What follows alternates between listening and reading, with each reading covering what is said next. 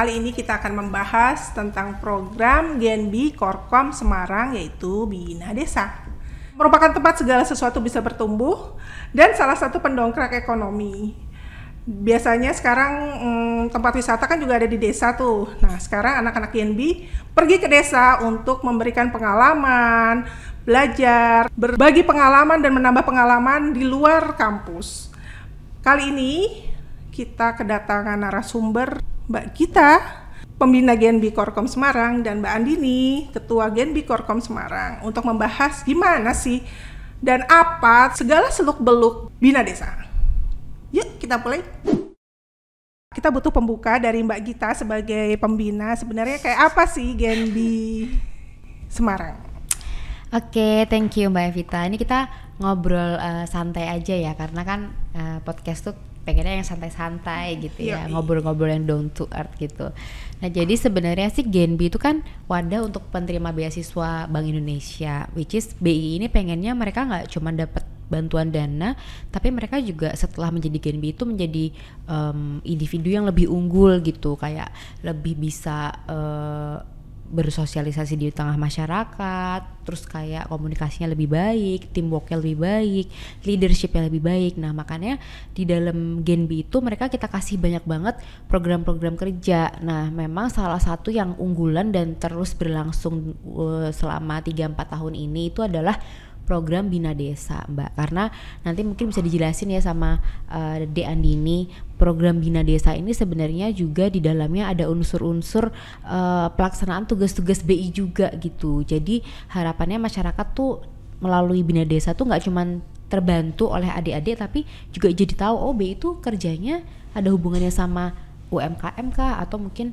uh, uh, kris atau apa nah jadi sebenarnya sosialisasi plus membantu uh, masyarakat di desa kira-kira gitu sih. Oke, gitu. kalau dari sekarang kita pengen dengar dari pelakunya langsung gitu kan. Dari pelakunya kira-kira bina desa. Ya. Oh, tersangka banget. Jangan dong. Kayaknya kayak kayak jadi gimana gitu ya. Nah lah ini pelaku uh, leadernya ya, uh, uh, leader Coba cerita gimana sih bina kamu ceritain bina desa itu kayak apa, terus menarik apa, terus mungkin ada hal-hal yang hmm, yang berkesan lah. Oke? Okay? Oke. Okay. Uh, eh, jadi terkait bina desa tadi udah sempat dijelasin sedikit sama Mbak Gita. Nah, Bina Desa itu adalah sebuah program kerja unggulan dari GNB Korkom Semarang di mana itu tuh di bawah naungan Divisi Sosial dan Lingkungan.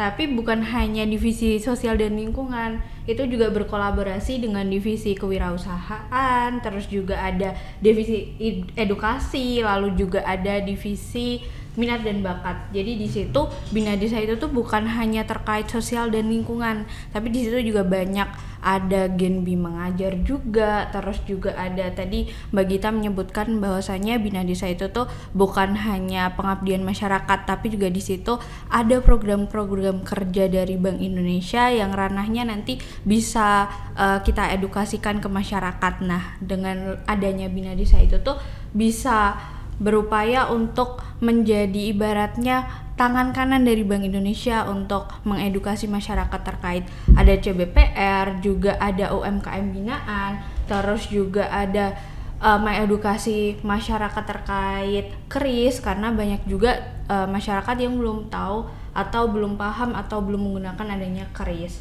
Terus juga uh, Bina Desa dari tahun per tahun itu tuh pasti akan ada inovasi tersendirinya Terus untuk tahun ini itu ada beberapa inovasi dari Bina Desa. Yang pertama itu ada Eco Green di mana kegiatan ini itu penerapannya lebih ke pemanfaatan limbah karena masyarakat itu tuh di desa ternyata masih banyak loh limbah yang tidak terkelola dengan baik. Nah, maka dari itu dari teman-teman Genbi itu bagaimana sih caranya agar limbah itu tuh bisa dikelola lebih baik lagi. Lalu yang kedua itu ada proker yang namanya berbakat dan berbudaya. Kenapa kita mengusung program kerja tersebut? Karena sekarang itu anak-anak di desa itu tuh kayak lebih ke gadget gitu. Jadi terkait budaya dan juga terkait bakatnya itu tuh belum keasah. Nah, maka dari itu dengan adanya Genbi berbakat dan berbudaya ini semoga bisa menjadikan anak-anak atau masyarakat desa itu tuh lebih tahu oh ternyata ada loh alat musik daerah, oh ternyata ada tarian daerah, oh ternyata ada permainan daerah seperti itu. Jadi lebih memupuk cinta tanah air. Lalu ada juga yang ketiga itu ada social and environment action. Di mana di situ program kerjanya itu tuh lebih ke kita itu aware sama lingkungan kita. Karena banyak anak muda juga zaman sekarang yang terkesan acuh tak acuh terhadap lingkungan. Nah, semoga dengan adanya program kerja tersebut itu bisa menambah semangat lagi akan cinta kepada lingkungan. Kurang lebih seperti itu. Banyak banget ya. Banyak dong. Itu berapa lama ya waktunya untuk bina desa? Oh, kalau untuk tahun ini tiga bulan. Hmm. Berarti kira-kira sampai habis lebaran kali ya? Iya, sampai April. Kalau enggak untuk penutupan biasanya Mei gitu habis lebaran. Sekarang saya mau tanya satu-satu boleh kan? Kalau tentang eco green yang tadi pemanfaatan limbah, sebenarnya limbah yang kayak apa sih yang dimanfaatkan di desa gitu loh. Terus habis itu kalau misalnya mereka dimanfaatkan, nanti hasilnya apa? Terus nanti mungkin sasarannya mau diapain gitu ada nggak? Ada. Jadi eco green itu lebih ke pengolahan limbah tadi. Nah, ada beberapa komisariat yang menggunakan limbah seperti plastik jadi sekarang kan banyak banget plastik-plastik yang ibaratnya udah dibuang gitu aja tanpa adanya pengolahan. Nah itu nanti dibuat kayak tas gitu. Kan ada tuh tas dari plastik. Terus juga selain itu ada juga limbah botol-botol bekas. Nah itu juga kita olah menjadi beberapa kerajinan yang memang nilai gunanya itu tuh ada. Nah kita juga tidak hanya semata-mata mengolah limbah tersebut menjadi sebuah barang, tetapi juga kita mencoba untuk memasarkan. Siapa tahu dengan adanya pengolahan limbah itu dan menjadi sebuah kerajinan atau barang yang lebih berguna, itu bisa menambah uh, nilai estetika dan juga nilai kegunaan, bahkan bisa menjadi pemasukan bagi masyarakat desa. Mungkin seperti itu. Kalau pemasarannya itu ke mana? Pemasarannya itu biasanya kita lewat media sosial. Oh, nah, kan teman-teman itu ada IG-nya sendiri terkait bina desa seperti itu. Nanti dibantu lewat situ. Oke, okay. kalau yang tentang berbakat dan berbudaya mm-hmm. sebenarnya kan ya memang fenomena sekarang ini kan anak-anak tuh sibuk sama gadget mm-hmm. gitu kan. Tapi sebenarnya gadget juga memperkenalkan budaya loh, tapi budaya barat. Bener-bener Korea malah ya budaya Korea gitu kan. Nah, maksud saya gini, gimana caranya uh, ya kan Bina Desa itu kan cuma tiga bulan ya iya. kalau nggak salah.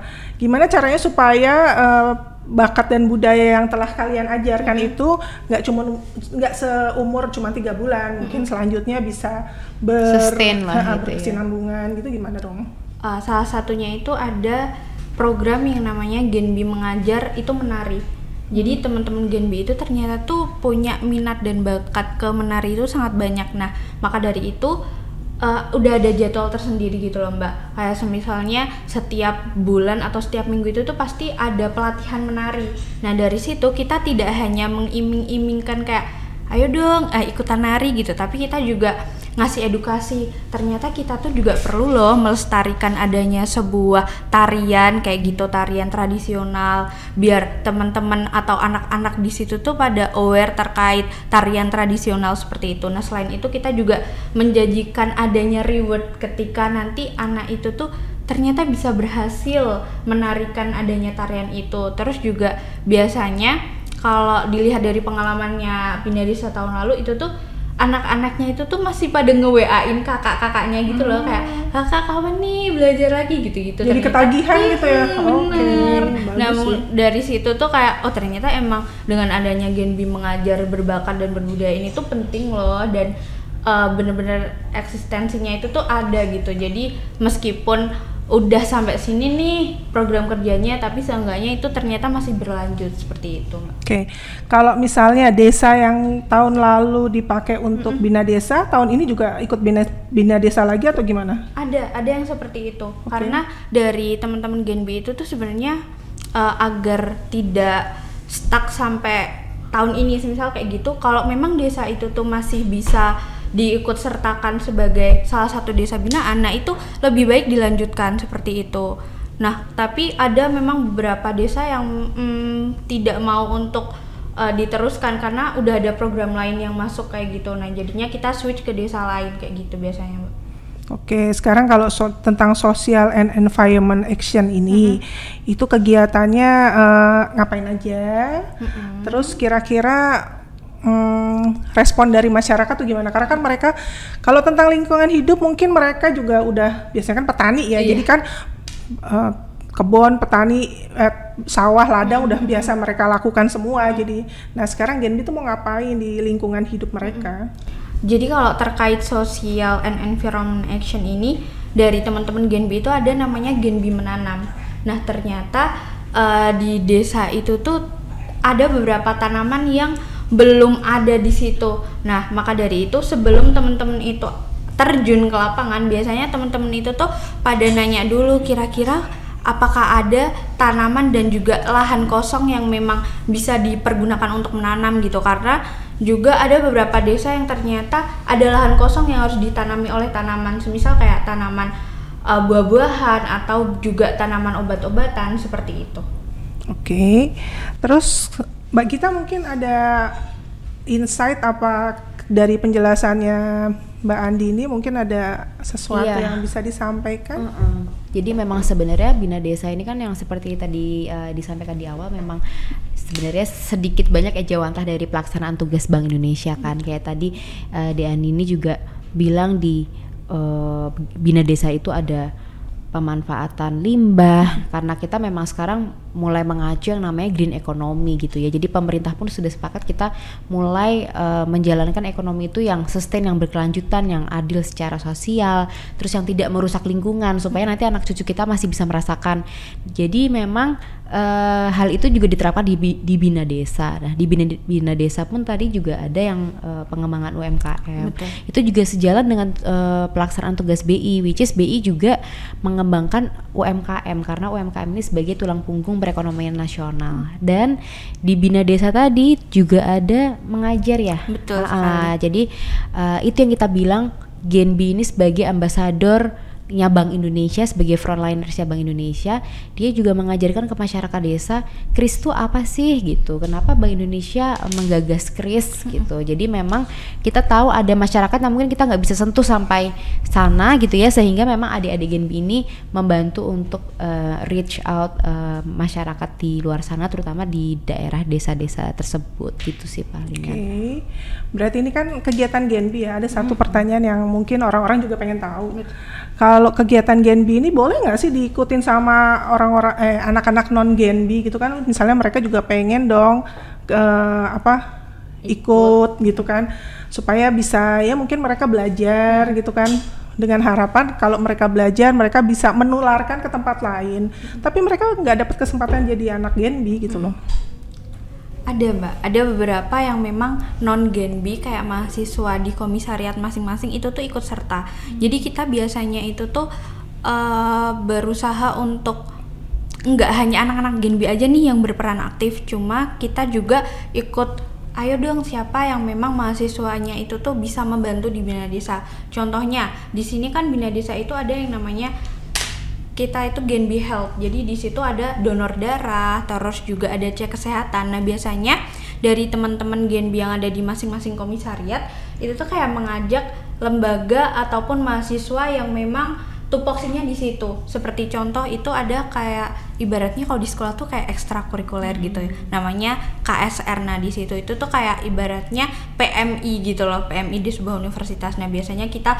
berkolaborasi sama uh, mahasiswa yang ada di KSR untuk membantu cek kesehatan, terus juga donor darah. Nah, donor darah ini biasanya juga dibantu sama PMI. Jadi, ibaratnya Bina Desa itu tuh bukan pure anak-anak Genbi semua. Ternyata mahasiswa lain itu tuh bisa kok kalau mau berkolaborasi sama Bina Desa di Genbi gitu. Mm -hmm. Oke. Okay. Jadi hampir sama-sama KKN sebenarnya hampir sama, cuma ada bedanya. Apa dong? Kalau bedanya biasanya kan KKN itu ada rumah penginapannya gitu kan mbak. Hmm. Nah tapi kalau di Genbi itu tuh enggak. Jadi meskipun kita tiga bulan, tapi kita tidak yang stay di desa tersebut. Jadi kita itu konsepnya adalah kegiatannya itu per minggu. Jadi misalnya nih di komisariat A ini minggu setiap minggu setiap hari minggu itu tuh ada kegiatan nah kayak gitu. Tapi kalau KKN itu kan biasanya stay di situ. Biasanya juga kalau KKN itu tuh kayak hanya satu bulan atau ada terkait uh, ketentuan dari kampus itu kan berbeda. Ada yang satu bulan dua bulan bahkan tiga bulan. Tapi kalau di bina desa ini kita selama tiga bulan dan emang tidak stay di situ seperti itu kalau KKN biasanya sebulan atau ada cinlok ya nah, iya. Benar. apalagi tiga bulan kan yeah. langsung, langsung. ya itu titipan dari salah satu uh, teman humas mm. tanyain itu bisa cinlok nggak? Gak bisa berminat ikut ya? dia ini kayaknya punya memori sendiri, hmm, makanya bener. dia tanya kalau KKN bisa cinlok, kalau bina desa, uh, bina desa tiga bulan langsung, langsung. kali ya cinlok ya. Uh, uh. Mungkin Mbak Gita ada pertanyaan apa gitu mungkin? Uh, mungkin lebih ke pengen tahu tadi kan udah dijelasin semua programnya ya. Mm Cuman pengen tahu sih uh, challenge-nya sebenarnya pasti ada banyak gitu. Banyak. Pengen dong diceritain challenge yang ya ini realnya kayak gini uh, nih ketika dilakukan. Karena kan pasti nggak semua masyarakat di desa itu bisa langsung bisa Terima. menerima kan programnya kita. Itu seperti apa? Mungkin dong diceritain ada cerita-cerita yang lucu mungkin gitu. Apa mungkin kayak KKN di desa penari gitu kan? Ada yang horor gitu kan? Jangan jangan. Kalau untuk ibaratnya hambatan atau uh, challenge terbesar dari Bina Desa. Yang pertama itu sebelum kita terjun kita pasti mencari desa. Desa yang memang ada untuk kriteria Bina Desa itu tuh nah itu sangat sulit. Hmm. apalagi di daerah Semarang ini itu kan lebih banyak kelurahannya dibanding hmm. desa. Nah itu. Jadi ada beberapa yang memang desanya itu tuh yang pelosok banget. Jadi untuk menjangkau itu tuh agak jauh lalu juga yang kedua misal kita udah dapet desa yang aduh oke okay banget nih udah ada kriterianya udah memenuhi. Tapi ternyata masyarakat dan juga pemerintah di desa tersebut itu tidak welcome sama kita. Ya oke okay, ada kegiatan cuma outputnya itu tuh dari mereka kayak hanya sebatas ya udah yang penting ikut gitu. Tapi apa yang kita sampaikan apa yang kita tularkan itu seperti tidak kayak diserap iya dengan bener mm -mm. kayak Baik ibaratnya gitu ya. masuk telinga ya formalitas nah, aja betul. gitu uh -uh. terus kadang juga enggak apa yang penting ada snacknya kayak gitu oh, iya, itu iya, juga iya, iya. bisa terus waktu itu tuh juga sense of belongingnya masih masih kurang, kurang.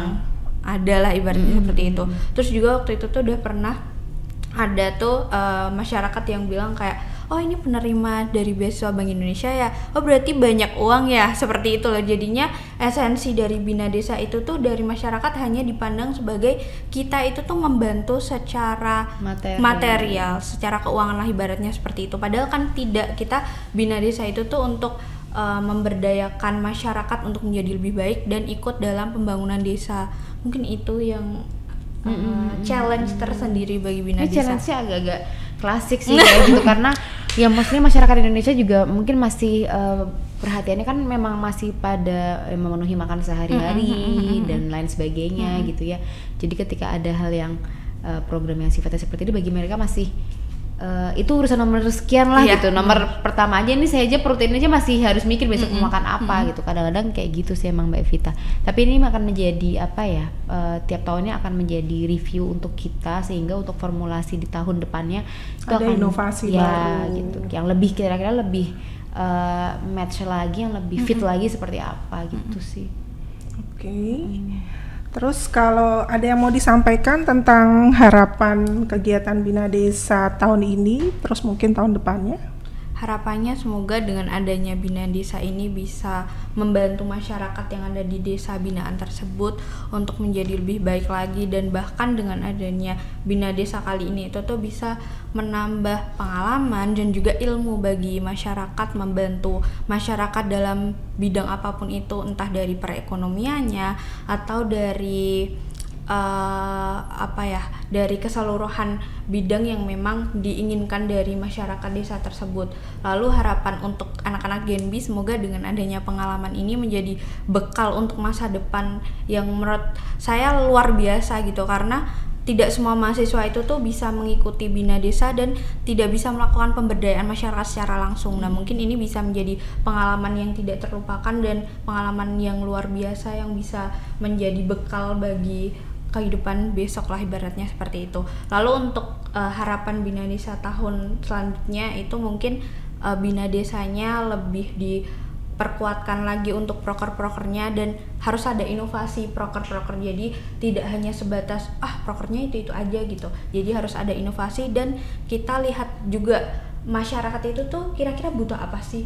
Jadi kita sebelum menyusun proker kita harus survei dulu masyarakat butuh apa agar ketika proker itu diimplementasikan itu tuh enggak yang ah ya udahlah kayak gitu. Hmm. jadinya bener-bener oh ini loh yang dibutuhin masyarakat. Jadi ketika proker itu berlangsung masyarakat tuh jadi seneng jadi uh, excited gitu kayak aduh emang aku butuh ini nih seperti itu harapannya Gen iya, ke depan iya. nggak iya. bengawan solo lah ya terima warisan doang kan pengennya sih agak ya inovasi lah ya oke okay. buat PR buat ada deh Gen tahun depan oke okay? Kayaknya udah apa mau dilanjut pertanyaan lagi?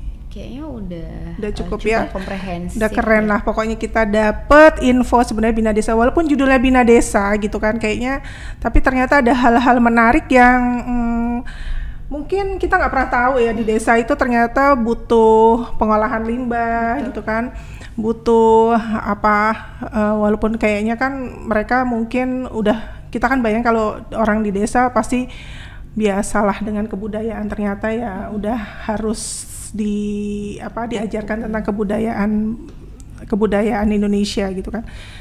Oke, sekarang kita waktunya mau ada titipan kuis.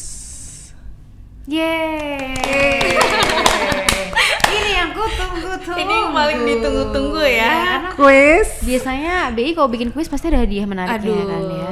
Ada buat tiga pemenang terpilih. Ini pasti kalau hostnya Mbak Vita juga hadiahnya enggak nambah ya Mbak Gita. Enggak. Hadiahnya dapat senyum dari saya Mbak Gita sama Pertanyaannya adalah satu-satu aja pertanyaan dari Mbak Gita, dari Andini, dari aku. Oke. Okay. Boleh. Boleh. Oke. Okay. Mbak Evita dulu deh. Saya lagi bikin pertanyaan dulu apa ya? Nyiapin pertanyaan dulu ya. Kalau aku pertanyaannya nggak jauh-jauh dari isi podcast sih. Sebenarnya uh, saya mau tanya sebenarnya apa tiga program utama dari Bina Desa? Oke, okay. Mbak Gita boleh? Aku oh, iya. oke. Okay. Uh, eh, aku juga mau tanya masih terkait dengan Bina Desa deh. Uh, apa yang diajarkan kepada masyarakat desa di uh, program Bina Desa? Apa yang diajarkan, kebijakan BI yang diajarkan? Apakah um, tentang visi misi BI atau tentang inflasi atau tentang CBP rupiah atau tentang kris? Silahkan pilih dua di antara yang saya sebut tadi. Kalau dari saya sendiri adalah apa sih challenge terbesar dari diadakannya Bina Desa di tahun ini? Nah, Oke, okay, ada tiga pertanyaan dari masing-masing uh, pelaku di sini. Jangan lupa untuk subscribe, like, like komen, dan uh, share share di sosial media story masing-masing. Ditunggu sampai sampai akhir Januari cukup ya? Ya boleh deh sampai, sampai akhir 31 Januari. Januari. Ya sekarang saya sebagai host akan menutup dengan pantun. Dibantu cakepnya ya. Ayo, ayo mang, ayo mang ya di belakang kamera bantu cakepnya. Pak Somad pergi ke Pati. Cakep. Mampir Semarang beli lumpia. Cakep. Terima kasih atas podcast hari ini. Cakep. Sampai jumpa di podcast selanjutnya. Yeay.